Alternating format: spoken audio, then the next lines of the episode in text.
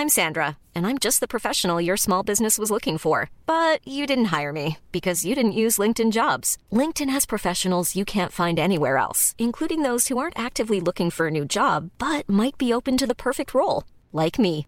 In a given month, over 70% of LinkedIn users don't visit other leading job sites. So if you're not looking on LinkedIn, you'll miss out on great candidates like Sandra. Start hiring professionals like a professional. Post your free job on linkedin.com/people today. When you're ready to pop the question, the last thing you want to do is second guess the ring. At Bluenile.com, you can design a one-of-a-kind ring with the ease and convenience of shopping online. Choose your diamond and setting. When you find the one, you'll get it delivered right to your door. Go to Bluenile.com and use promo code LISTEN to get $50 off your purchase of $500 or more. That's code LISTEN at Bluenile.com for $50 off your purchase. Bluenile.com code LISTEN. Mom deserves the best, and there's no better place to shop for Mother's Day than Whole Foods Market. They're your destination for unbeatable savings, from premium gifts to show-stopping flowers and irresistible desserts. Start by saving 33% with Prime on all body care and candles. Then get a 15-stem bunch of tulips for just $9.99 each with Prime. Round out Mom's menu with festive rosé, irresistible berry chantilly cake, and more special treats. Come celebrate Mother's Day at Whole Foods Market. Aktier, dessa små älsklingar som kan göra dig rikare men som också innebär en risk. Det här avsnittet är ett inspirerande intro till börsen för både dig som är nybörjare men också dig som redan har en portfölj. Du lyssnar på Smarta Cash, podden som peppar till en bättre ekonomi och rikare framtid med mig Isabella Amadi.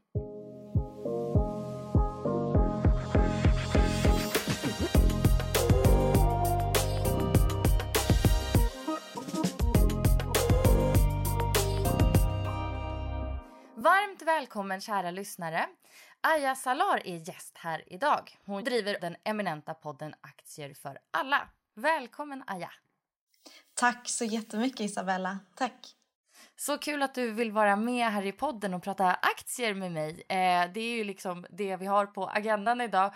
Eh, och liksom börsen som sådan, lite inspiration, hur man breddar sin portfölj, tips och tricks.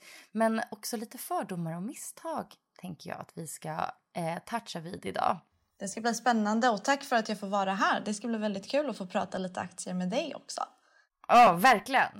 Eh, alltså, om vi börjar med why. Alltså, varför ska man ens investera i aktier? Ja, varför ska man investera i aktier?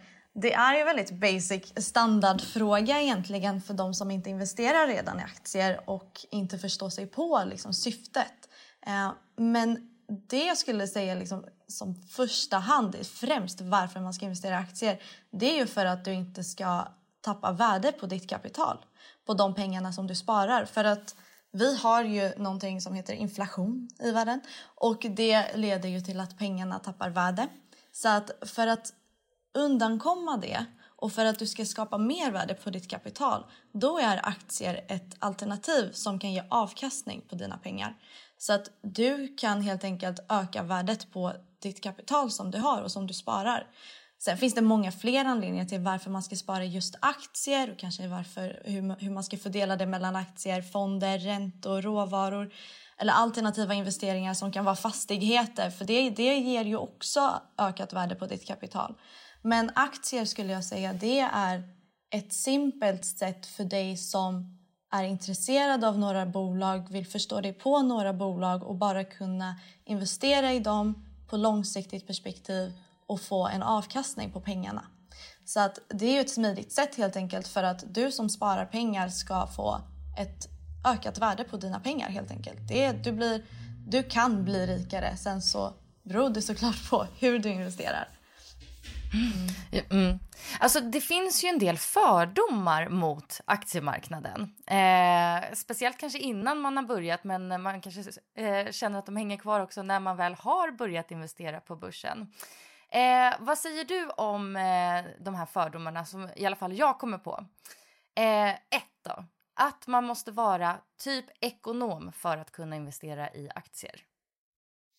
Eh, alltså, den fördomen tycker jag är väldigt mycket att ta i. För att så är det inte alls. Utan det är många inom vilka olika sorters bakgrunder som helst som investerar i aktier och som gör det superbra och är framgångsrika investerare.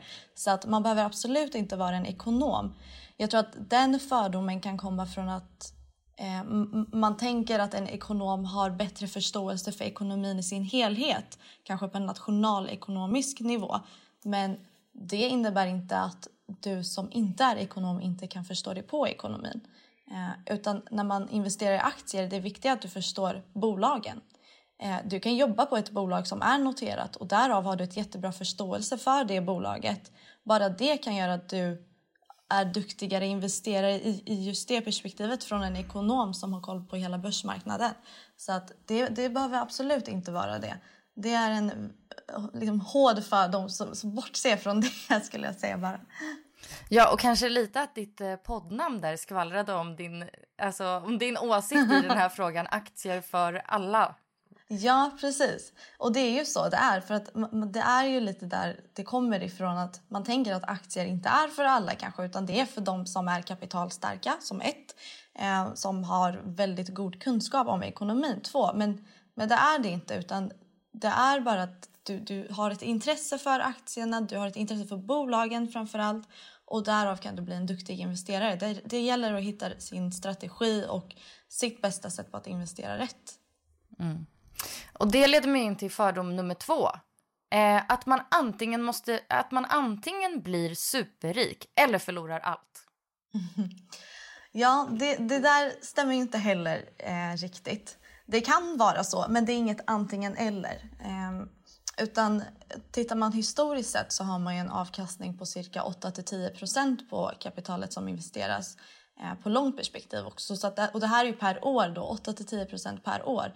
Um, och, och där så innebär det inte att du verkligen har blivit eh, superrik eller fattig utan du har fått ett ökat värde på ditt kapital. Eh, sen så kan, gäller det om, om man är väldigt villig att ta hög risk och du går in i bolag som har väldigt dålig balansräkning, det finns inget bra kassaflöde.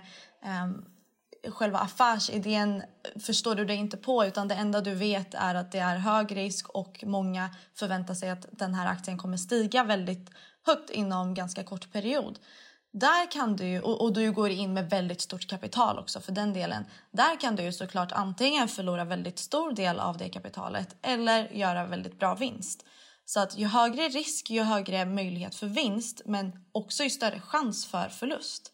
Ehm, men investerar du i flera bolag och du investerar på ett långt perspektiv och du har förståelse för dina bolag då finns det inte att du antingen blir superrik eller, eller eh, fattig eller vad det nu ja. Mm.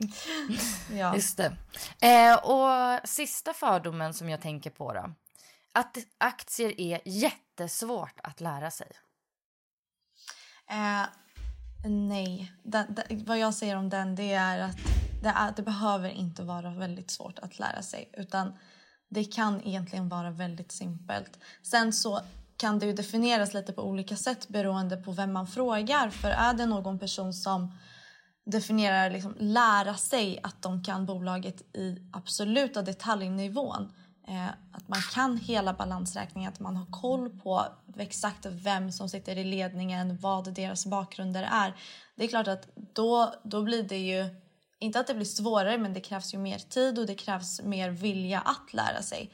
Men någon annan som definierar det kanske bara att ja, men jag förstår bolaget, jag ser goda framtidsutsikter, jag, jag, jag gillar affärsidén om man definierar det som att lära sig, då, då är det ganska, eller väldigt simpelt skulle jag säga. Då krävs det inte så mycket tid av dig eller kunskap eh, om du ska kunna investera i det här bolaget. Men generellt så är det inte att det är jättesvårt att lära sig aktier utan det är egentligen väldigt simpelt. Eh, det handlar bara om att du ska förstå ett bolag, vad de gör, deras koncept. Tror du på det bolaget, då investerar du i det bolaget. Om man ska hålla det väldigt kort. Mm. Lätt som en plätt med andra ord. Men man kan fördjupa som... sig hur mycket som helst.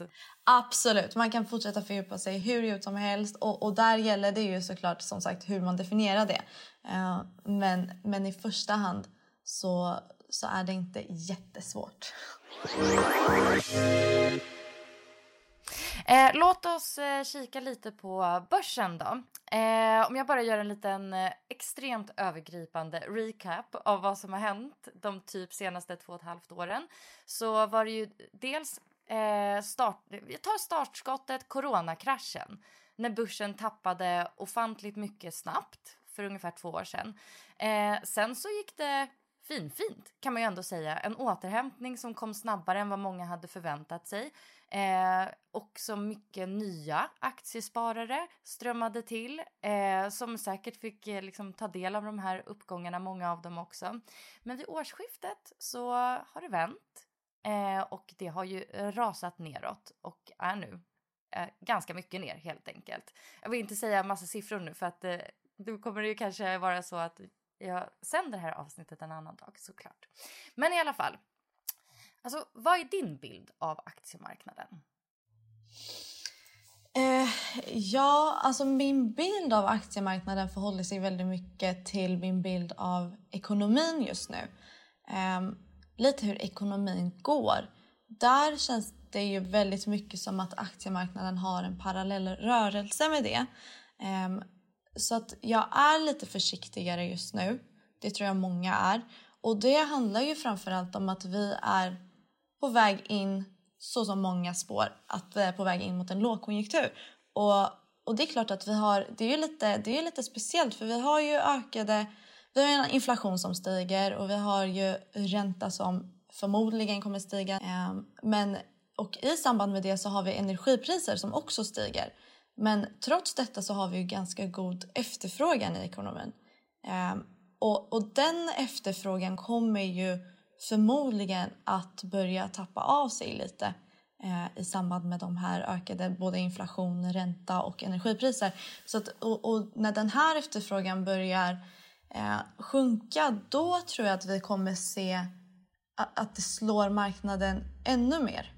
Ja, för att den har ju inte sjunkit än och den är, det är inte att den, det, den oroar ju inte efterfrågan just nu. Utan det är det som kan komma att ske. Och där tror jag att då kan vi få ett slag mot marknaden ännu mer. Men å andra sidan så, så har jag svårt att se att aktiemarknaden sjunker eller fortsätter sjunka fram till årsskiftet om vi ska prata ditåt. Um, och där tror jag att det har huvudsakligen att göra med att vi har kommit ner väldigt mycket tills idag. Eh, vi är nere cirka, bara OMXS, Stockholmsbörsen är nere eh, 30 procent cirka. Eh, och det, det, är ju väldigt stora, stora procentuella nedgångar. Eh, så att eh, jag tror ändå att vi har en fortsatt volatil marknad fram till årsskiftet och att vi Antingen om man landar lite så som vi har landat idag, alltså att det blir en ganska mjuk landning i den här lågkonjunkturen, eller om det kan eventuellt ske en återhämtning. Men oavsett vad så är det ju att jag tror inte på en uppsida, en stark uppsida, en återhämtning så som det skedde förra året, utan jag tror ganska mycket på en sidled eh, rörelse. Mm. Hur avspeglar det sig då på de olika branscherna som finns? Alltså vad, vad går bra och vad går dåligt under de förutsättningar som finns just nu? Mm. Tittar man på aktiemarknaden och, och, och liksom sektorerna generellt sett då det är svårt att säga exakt vad som går bra just nu i för allt går dåligt? utveckling. Ja, i princip. För att jag vill säga det nästan allt går dåligt just nu. Men däremot, just när det är så inflation som det ser ut just nu, då finns det ju bolag som kommer att gynnas mer och bolag som kommer att gynnas mindre utav det. Och där gäller det att kolla på okay, vad har vi för cykliska bolag och vad har vi för defensiva bolag. Vad betyder det då? Cykliskt mm. och defensivt? Cykliska bolag, det innebär att det är bolag som gynnas av högkonjunktur och missgynnas av lågkonjunktur. Så att de går ganska parallellt med konjunkturutvecklingen. Kan du ge exempel på inom vilka liksom, eh, sektorer eller branscher det kan finnas? Så? Ja, ab absolut. Cykliska bolag kan vara till exempel tillväxtbolag. Och det är ju för att när vi, när vi har en inflation och det blir svårt att räkna hem alla vinster som förväntas i tillväxtbolag då blir det att man är inte lika nyfiken eller intresserad av att investera i de här tillväxtbolagen så att det blir inte lika mycket, mycket kapital in i tillväxtbolagen. Så där tappar de värde och där brukar kurserna sjunka ganska drastiskt. Eh, men sen däremot när vi är på väg in mot en högkonjunktur då brukar cykliska eller eh, tillväxtbolag då Eh, att gå betydligt bättre för att man ser en högkonjunktur framför sig, man ser en ökad efterfrågan, man ser pengar kommer in i ekonomin. Då vill man trycka in dem i tillväxtbolag. Så det är ett exempel på cykliskt bolag. Sen har vi defensiva bolag och där kan det vara eh, till exempel större, mer stabila läkemedelsbolag skulle jag säga till exempel då kan det vara Essity eller, eller AstraZeneca. Eh, Essity mer, det, det, det, kan man ju jämföra lite med eh, coronatiden eh, där de bolagen gick bra. Och det innebär att de går bra oavsett eh, konjunkturläge. För att människor kommer fortfarande behöva sina läkemedel oavsett om de blev dyrare eller, eller billigare eller om det är corona eller om det är krig där ute. Oavsett liksom, situation i ekonomin så behöver vi köpa de här eh, läkemedlen och då innebär det att de här bolagen kommer att klara sig igenom konjunkturen.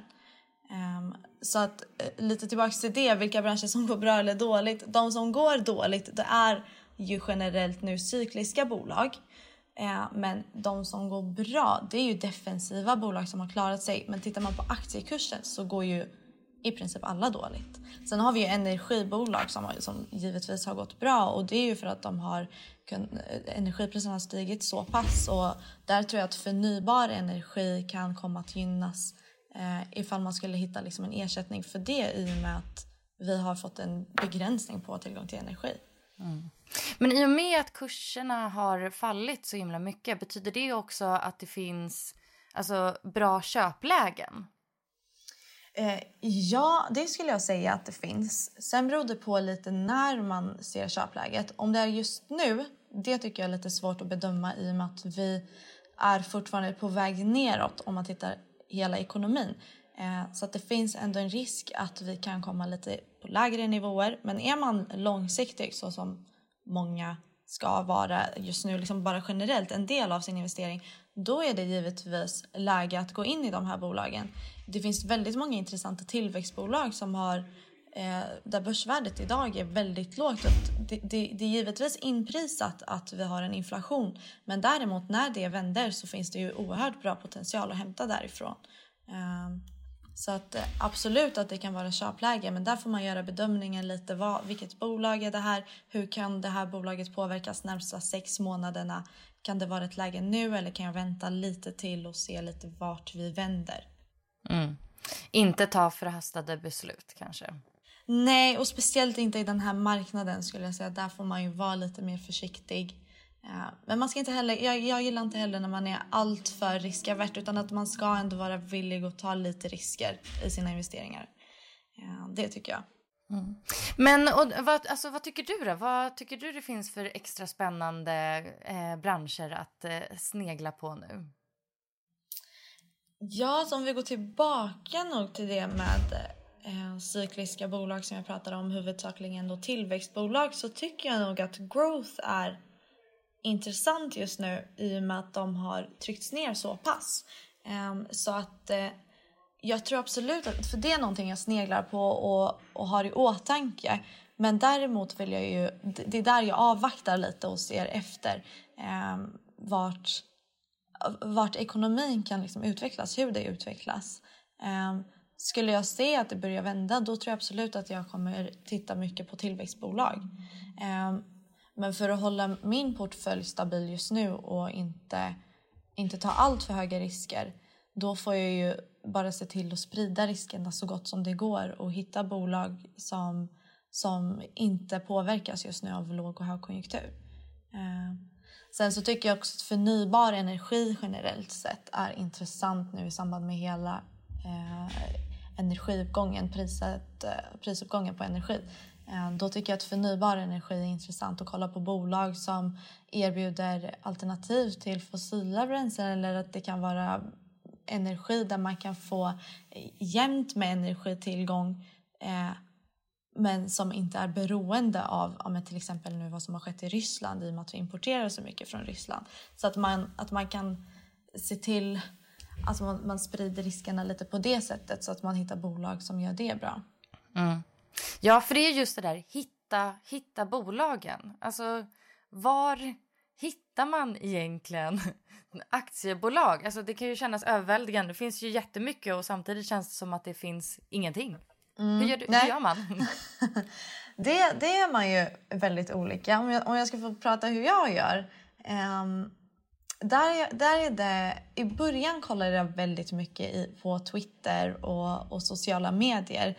Och Då finns det ju till och med Instagramkonton och Facebookgrupper alltså om man ska gå in djupt i sociala medier. Men Twitter är ju generellt, för de har ju bra fin-Twitter, finans-Twitter. Då, då.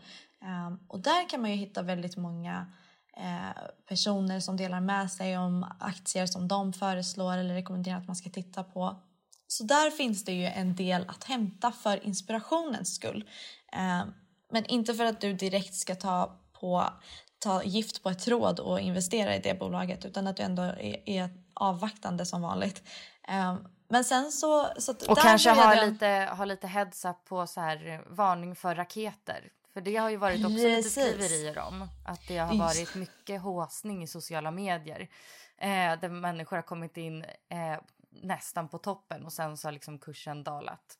Så. Precis, precis. Och där, där har vi jättegoda exempel på till exempel när, när det skedde på AMC och GameStop där Twitter var en stor bidragande faktor och sen så har vi också eh, Reddit och, och de här sidorna som liksom bara hypar upp bolag. Men däremot vad, jag, vad man missar lite i finanstwitter det är att det finns mycket generella alltså diskussioner och, och prat om aktier som ändå kan vara bra bara för att inspireras och veta lite okay, vilket spår kan jag titta på och inte titta på.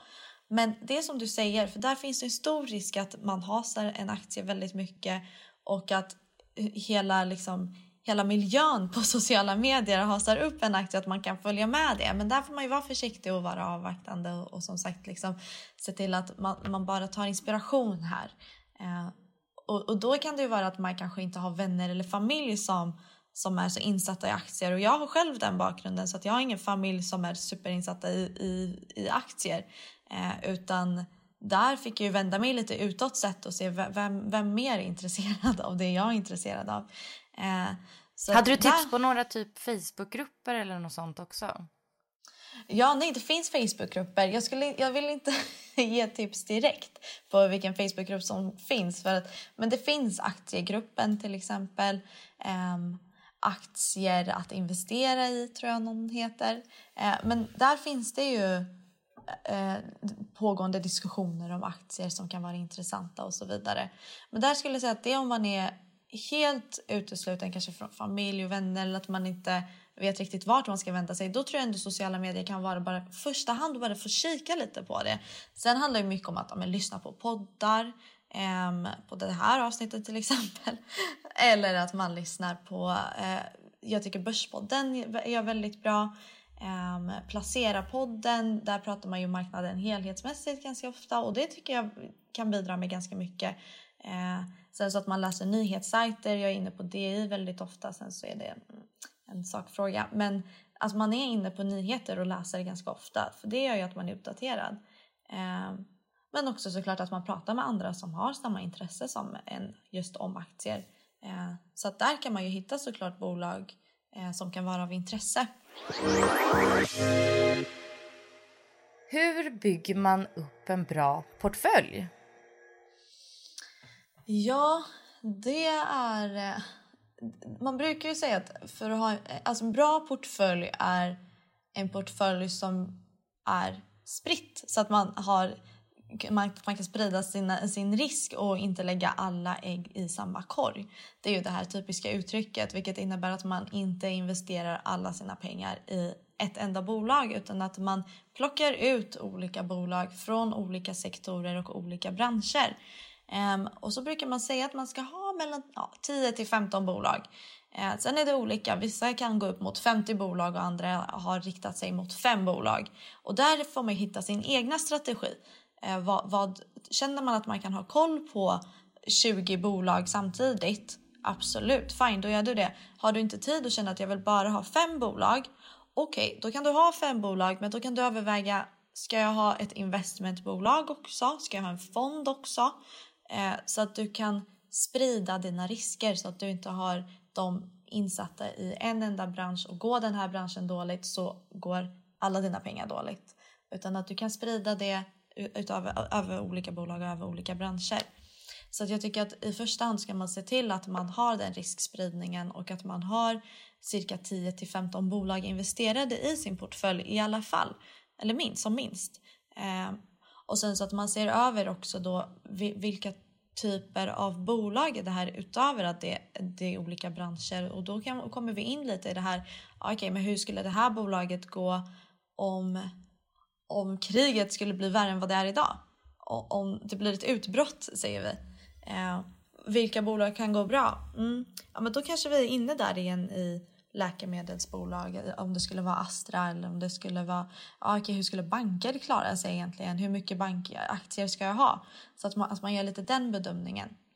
Eh, så där tror jag, och då brukar man säga att man ska i alla fall dela upp det i fem olika branscher eh, när man har sin aktieportfölj. Mm. Mm. Finns det något mer när det gäller riskspridning som du tycker att man ska ha med sig? Mm, men det, det är lite det jag var inne på. tror jag, att man att man ska se till att man har investerat och eh, genomfört en riskspridning i sin portfölj. Eh, sen så, jag tror just nu så som inflationen ser ut och att vi har stigande räntor, att man kan äga räntefonder som ett alternativ. Eh, och det, det kan ju vara bra att se över bara för att sänka sin risk just nu i sin portfölj. Eh, och, och, det innebär ju, alltså räntefonder, det är att du har en ränta på ditt kapital. Um, så att, och där får du ju lite fast avkastning på kapitalet och på så sätt så kan du ju sänka risken. Uh, så att, och där, där beror det också på såklart hur ekonomin omkring oss ser ut. Men just nu så som det ser ut nu så tror jag att ett alternativ kan vara där att man kikar lite på räntefonder och att man ser till att man har aktier som kan komma och gå bra nu under högkonjunktur om det skulle vända snart eller i, i, kom, inom kommande år och som inte trycks allt för mycket just nu under lågkonjunkturen. Till exempel konsumentbolag. Skulle efterfrågan sjunka väldigt mycket så har vi inte lika stort intresse av att gå till affären och handla jättemycket eh, kläder till exempel. Eh, utan att man ser över sin portfölj på det sättet. Mm. När det kommer till fondsparande så har ju många liksom ett automatiserat fondsparande. Man sätter in kanske en viss summa fördelat på en eller ett par några fonder varje månad. Eh, när det är aktier, hur ofta tycker du man ska köpa? Ja, där tycker jag absolut att man ska göra det mer frekvent. Att man köper mer frekvent under perioder. Och, och det, det har jag ju pratat om också i min podd väldigt mycket. Eh, men det handlar ju mycket om att man inte ska gå in i ett bolag under en tidpunkt och, och riskera en sorts utveckling som kan missgynna eh, ditt kapital. Utan investera det under en längre period lite mer frekvent och då brukar jag säga om varje månad i alla fall. Så att med lönen att kunna lägga undan cirka 10% av din lön brukar vara en, en rimlig summa att kunna investera pengarna. Eh, kan du göra det varje månad då kommer du få en väldigt bra eh, spridning mot kursen och mot bolagets aktiekurs för att då har du ju kunnat köpa dig i både låga aktiekurser och höga aktiekurser så att du snittar dig vid ett rimligt pris. Så att du varken har en alldeles för hög uppsida som kan riskera att och, liksom vända eller om du har en eh, att du kan riskera en väldigt stor nedsida för att du råkade köpa in dig på ett väldigt högt pris. Eh, så att varje månad skulle jag säga är väldigt rimligt i samband med lönen. Det är ju det enklaste. Sen har man svårt för det och inte har tillgång till det, ja men Försök att göra det varannan månad då, eller var tredje månad. Men att man ändå gör det frekvent. Mm, just det. Eh, vilka är missarna man absolut ska undvika? Eh, vilka missar? Det, det finns så många missar man ska försöka undvika så gott det går. det går. Eh, och där tror jag bara liksom det vi var inne på nu, att man inte köper in sig i allt för högt pris och lägger in allt för stor andel av ditt kapital i det. Eh, för där har du satt in dig själv i en väldigt hög risk eh, utan att försöka fördela det. Så det, det är en ganska typisk miss som man kan göra som nybörjare att man lägger in ganska stor del av sitt kapital i några enstaka bolag som har gått bra. För man tänker att de här har gått bra och de kommer att gå bra. Eh, men se över lite vilka bolag har gått dåligt då och varför har de gått dåligt? Är det verkligen inprisat? Kan vi få en vändning på det? För då lyckas du faktiskt köpa dig lågt. Och sen framförallt att inte lägga in hela summan på en gång. Så det, det är en miss man får akta sig för. Inte lägga för mycket och inte lägga allt för hög kurs. Eh, sen också, skulle det vara att du köper in det i väldigt högt pris eller om, om din aktie rasar eller bolaget rasar i kursen. Eh, att man inte säljer direkt i panik. Sälj inte i panik för att det gick dåligt eller att det har gått ner och du ser minus 20% på bolaget i, i, på Avanza. Utan se över det och fundera på eh, är det här tillfällig nedgång? Kan jag vänta? Är du långsiktig i din investering också? Då får du hålla dig till den strategin. För att som sagt historiskt sett så har vi 10% avkastning på eh, våra investeringar. Så att över tid så ska du kunna återhämta dig. Se över, liksom, sälj inte direkt och framförallt inte om du, behöver om du inte behöver kapitalet. Um... Så bra. Eh, sista frågan tänkte jag ska bli liksom rakt ut till alla som sitter där och har några aktier i sin portfölj. Man kanske har någon liten Investor, en Tele2, kanske lite Meta. Men ah, ett, ett, bara lite sådär. Alltså, vad är nästa steg? Alltså, hur tar man sitt aktiesparande till nästa nivå? Eh, där tror jag att om man, ska, om man vill ta sitt sparande till nästa nivå och hela portföljen till nästa nivå, då är det att man ser över strategin. Alltså hur, hur investerar du dina pengar och vart är de här bolagen specificerade? Vilka sektorer befinner de sig i? Så att du ser över, okej, okay, jag har olika bolag, sen ser du över, jag har olika branscher. Sen ser du över, vilka typer av bolag är det här? Är det cykliska eller är det defensiva bolag? Så att man har en spridning i det också. Sen också att man tittar på sina tillgångslag. Tittar vi på bara aktier, okej, okay, men ska vi ha kanske lite fonder? Ska vi ha lite räntefonder? Ska vi ha lite råvaror som brukar gå bra under inflationstider för att lägga till det? Ehm, och sen så även att man ser över alternativa investeringar så att man tittar på helheten i sin portfölj och inte bara riktar sig till aktier. Vad kan vi, hur kan vi ta det här till nästa steg som du säger? Så där får man se över strategin på en, på en bredare nivå och, och tänka lite utanför boxen där. Kul! Jättetack för eh, alla dina lärdomar, Aja. Så kul att du ville vara med. Jättekul att jag fick vara här och tack själv. Så bra. Eh, har du någonstans där man kan följa dig eller ta del av allt du gör? Eh, oh, ja, alltså jag skulle säga i första hand så finns jag på LinkedIn. Eh, och där tycker jag det är jättekul att skapa kontakter. Så där får man jättegärna lägga till mig. Men annars så driver jag också podden Aktier för alla som eh, har stått lite på paus men den kommer lite tillbaka vid liv här nu så följ gärna den också. Det hade varit superkul. Så fint. Eh, och mig kan man också följa på Instagram Smartacast podcast och eh, vi är tillbaka igen nästa vecka. Tack till dig som har lyssnat. Hej då!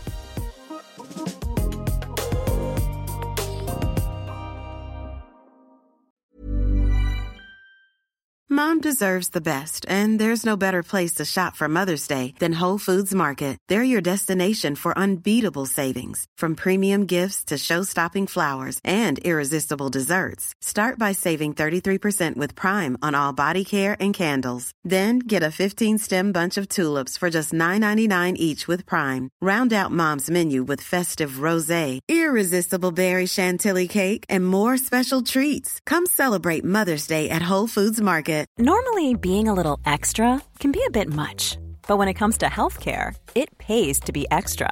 And United Healthcare makes it easy with Health Protector Guard fixed indemnity insurance plans. Underwritten by Golden Rule Insurance Company, they supplement your primary plan, helping you manage out of pocket costs without the usual requirements and restrictions like deductibles and enrollment periods. So when it comes to covering your medical bills, you can feel good about being a little extra. Visit uh1.com to find the Health Protector Guard plan for you. Planning for your next trip? Elevate your travel style with Quince. Quince has all the jet setting essentials you'll want for your next getaway, like European linen, premium luggage options, buttery soft Italian leather bags, and so much more. And is all priced at 50 to 80% less than similar brands. Plus, Quince only works with factories that use safe and ethical manufacturing practices.